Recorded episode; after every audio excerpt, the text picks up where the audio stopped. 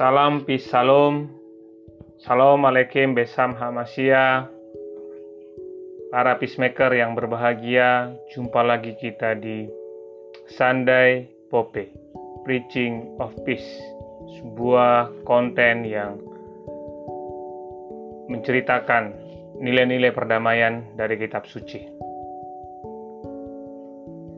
Saat ini kita akan berbagi bersama tentang pemulihan. Saudara-saudari, para peacemaker yang terkasih, kita sering mendengar dari pom bensin kata mulai dari nol ya. Kata ini mungkin sering kita dengar saat mengisi bahan bakar kendaraan di pom bensin. Itu artinya setiap kendaraan yang mengisi bahan bakar semua dimulai lagi dari awal. Tidak ada yang mau melanjutkan hitungan dari kendaraan lain. Semuanya mau dari nol. Ini mungkin jadi gambaran kehidupan kita. Memulai dari nol bukan berarti hal itu baru pertama kali kita lakukan. Namun, ketika memulai dari nol, berarti ada pengalaman baru yang mungkin akan tersajikan. Demikian juga saat ini, seluruh dunia diterpa oleh pandemi COVID-19 yang berkepanjangan. Semua berusaha untuk kembali pulih. Bagaimana caranya? Seluruh dunia sedang berusaha. Cara va uh, vaksin contohnya salah satunya. Semua ingin kembali ke angka nol. Bukan berarti akan sama seperti sebelum pandemi ini ada, semua ingin mengalami start awal, di mana bisa beraktivitas normal kembali tanpa ketakutan akan bahaya penularan virus yang mematikan ini. Mulai dari nol dalam hal ini mungkin akan disertai dengan paradigma dan pemahaman baru karena bahaya COVID, bahaya pandemi. Namun setidaknya kita sudah tahu bagaimana mengatasinya. Inilah titik start yang mungkin kita harapkan, kita rindu seluruh dunia pulih, sehingga kita tahu caranya untuk mulai dari titik nol, mulai start kehidupan tidak dihantui lagi oleh pandemi. Jika pandemi adalah masalah global, bagaimana diri kita? Secara pribadi, tanpa ada pandemi, masalah pasti terus-menerus ada kita bergumul tentang banyak hal. Kita juga rindu agar masalah-masalah yang kita hadapi dapat teratasi, sehingga kita mulai dari awal yang baru. Intinya, kita rindu adanya pemulihan. Entah itu permasalahan itu berhubungan dengan keperluan fisik, badani, materi, juga mungkin itu kebutuhan fisikis, kebutuhan kejiwaan kita. Juga itu mungkin keperluan atau kebutuhan dari spiritualitas kita. Masalah atau pergumulan, jika kita dapat menghadapinya, pasti akan memberikan kedewasaan. Tentu, kita akan mendapatkan paradigma ber, uh, yang baru, dan kita bisa melakukan sesuatu dengan perbuatan-perbuatan yang baru, dan tentu kita berharap itu pastinya lebih baik hari demi hari. Nah, pertanyaannya, apa yang harus kita lakukan jika kita mengalami masalah dan rindu untuk dipulihkan kembali. Dalam renungan kita kali ini, saya rindu berbagi dari kisah teladan dari seorang perempuan yang punya masalah kesehatan yang sangat berat dan lama, sakit pendarahan. Nah, kisah ini nanti dapat para peacemaker sendiri baca dalam kitab suci Injil, yakni pada uh, Injil Markus pasal yang kelima ayat yang ke-25 sampai 34. Kisahnya di sana kita akan coba lihat ada ada beberapa permasalahan yang dihadapi oleh perempuan yang sakit pendarahan ini. Para peacemaker sekalian nanti bisa membacanya ya di kitab suci.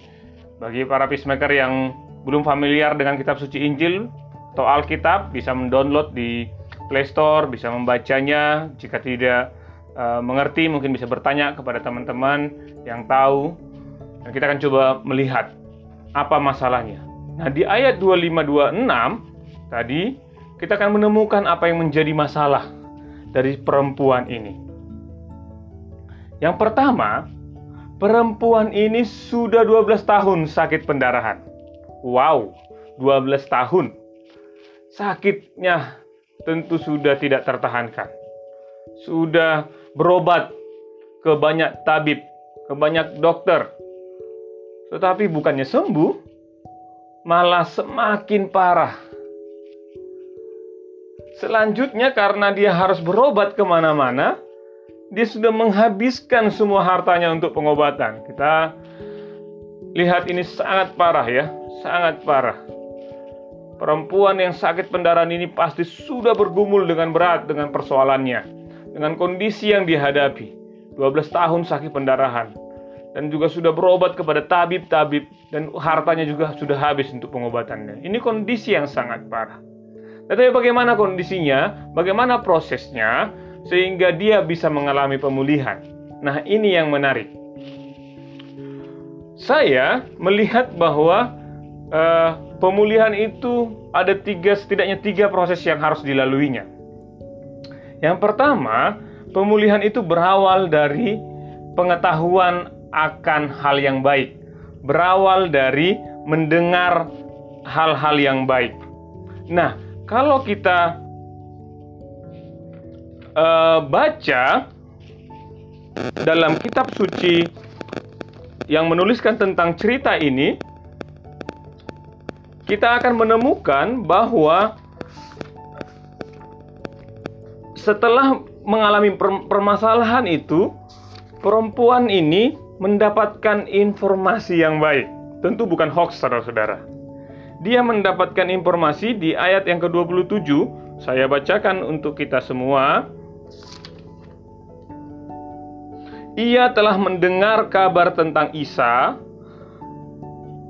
maka di tengah-tengah kerumunan orang banyak itu didekatinya lah Isa dari arah belakang. Jadi ia sudah mendengar tentang Isa. Ia telah mendengar tentang keajaiban-keajaiban yang dilakukan oleh Isa Al-Masih.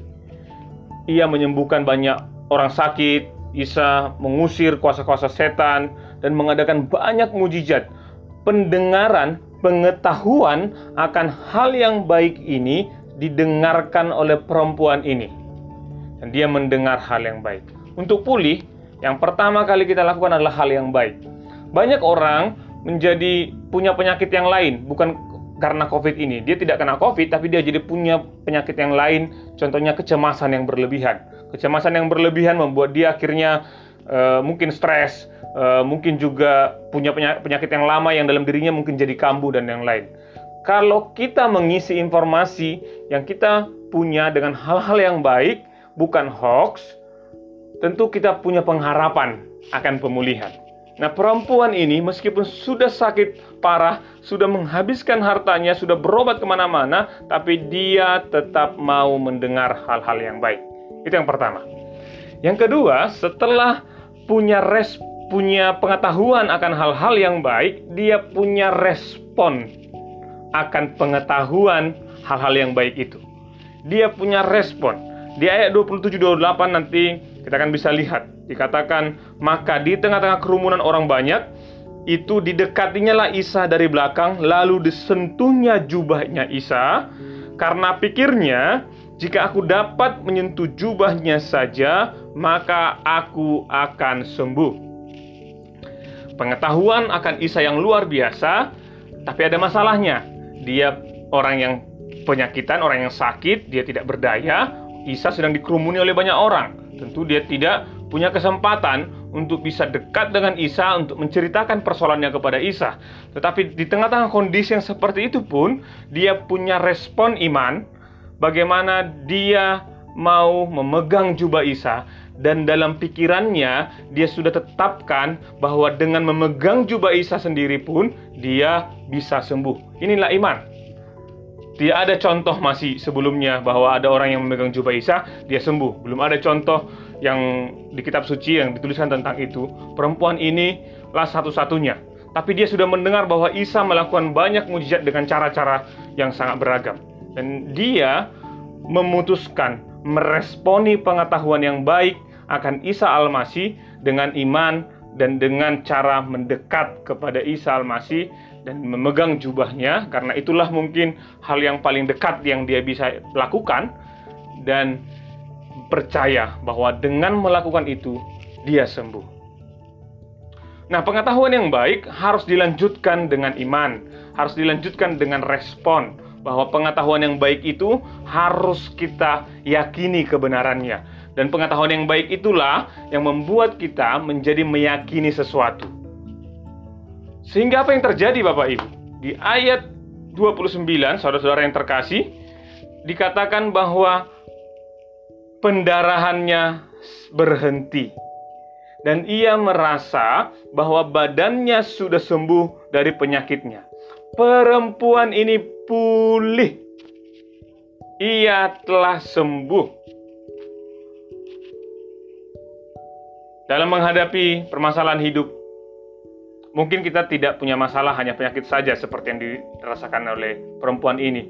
Tapi perempuan ini selain sakit dia juga mengalami masalah ekonomi pastinya. Juga masalah pasti masalah stres dengan penyakitnya yang berkelanjutan. Kita juga mungkin punya masalah psikis tertentu, beban hidup, permasalahan keluarga, masalah relasi satu sama lain, masalah hubungan, ada masalah tentang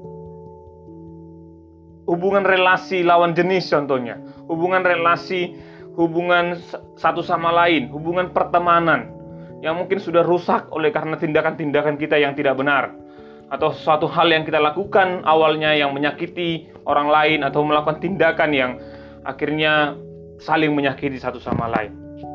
Kita perlu mengambil sikap iman, sikap respon yang benar.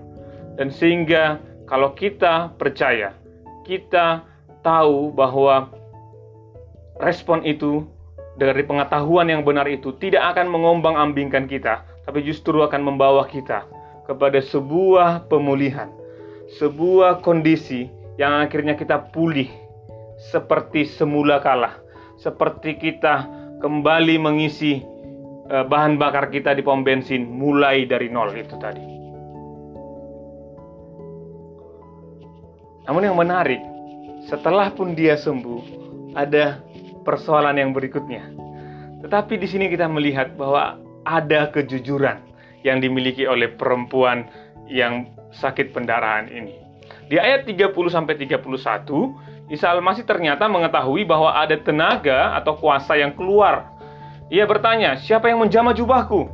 Murid-murid bingung dengan pertanyaan Isa Al-Masih ini. Orang-orang sedang mengerumuninya Isa Al-Masih. Masa Isa bertanya siapa yang memegang jubahnya? Ya mana ada ketehe gitu ya, mungkin ya murid-murid merasakan begitu. Sebenarnya pertanyaan ini ditujukan kepada perempuan yang tadinya sakit dan sudah sembuh ini. Saudara-saudara, peacemaker sekalian, sebenarnya ada pilihan untuk tidak jujur. Toh ia sudah sembuh. Namun perempuan ini punya integritas yang benar. Meski dengan takut dan gemetar, di ayat berikutnya nanti kita baca di 33-34 dikatakan ia tersungkur di hadapan Isa Al-Masih dan menceritakan semua yang terjadi kepadanya. Perempuan ini memilih untuk jujur dengan kondisinya, jujur dengan keadaannya, jujur dengan semua yang terjadi dalam kehidupannya. Keterbukaannya menjadi testimoni dan integritas tentu testimoni bagi orang-orang banyak karena dia akhirnya cerita apa yang dia alaminya, masalahnya, bagaimana dia tahu tentang Isa dan dia merespon kepada Isa. Dan juga ini menjadi integritas bagi dirinya karena dia mau mengatakan, mau jujur. Dia tidak hanya mau dapat sesuatu, tapi ketika ada pertanggungjawaban dari sesuatu itu, dia mau mengatakan, "Ya, saya di sini. Sayalah yang memegang jubahmu. Sayalah yang melakukannya." Sehingga akhirnya Isa berkata, "Hai anakku, imanmu telah menyelamatkanmu. Pergilah dan selamat. Sembuhlah dari penyakitmu." Perempuan ini akhirnya mengalami pemulihan yang total dalam hidupnya. kejujuran dan keterbukaan adalah awal dari pemulihan. Kita perlu jujur di hadapan Tuhan dan juga di hadapan rekan-rekan kita bahwa kita punya keterbatasan, bahwa kita adalah orang yang lemah dan perlu untuk ditolong. Sehingga keterbukaan itu, kejujuran itu akan boleh menimbulkan satu tindakan bersama. Kita boleh melakukan hal yang sama untuk saling menolong satu sama lain. Jadi peacemaker yang terkasih belajar dari perempuan ini, dia pulih karena pertama dia mendapatkan informasi yang benar. Kita perlu terus berkomitmen untuk dapatkan informasi yang benar. Yang kedua, kita perlu memutuskan untuk meresponi informasi yang benar itu dengan iman akan pengetahuan itu. Dengan selanjutnya kita harus bertanggung jawab, jujur dan terbuka atas semua yang sudah terjadi dalam diri kita. Sehingga kita pun pulih.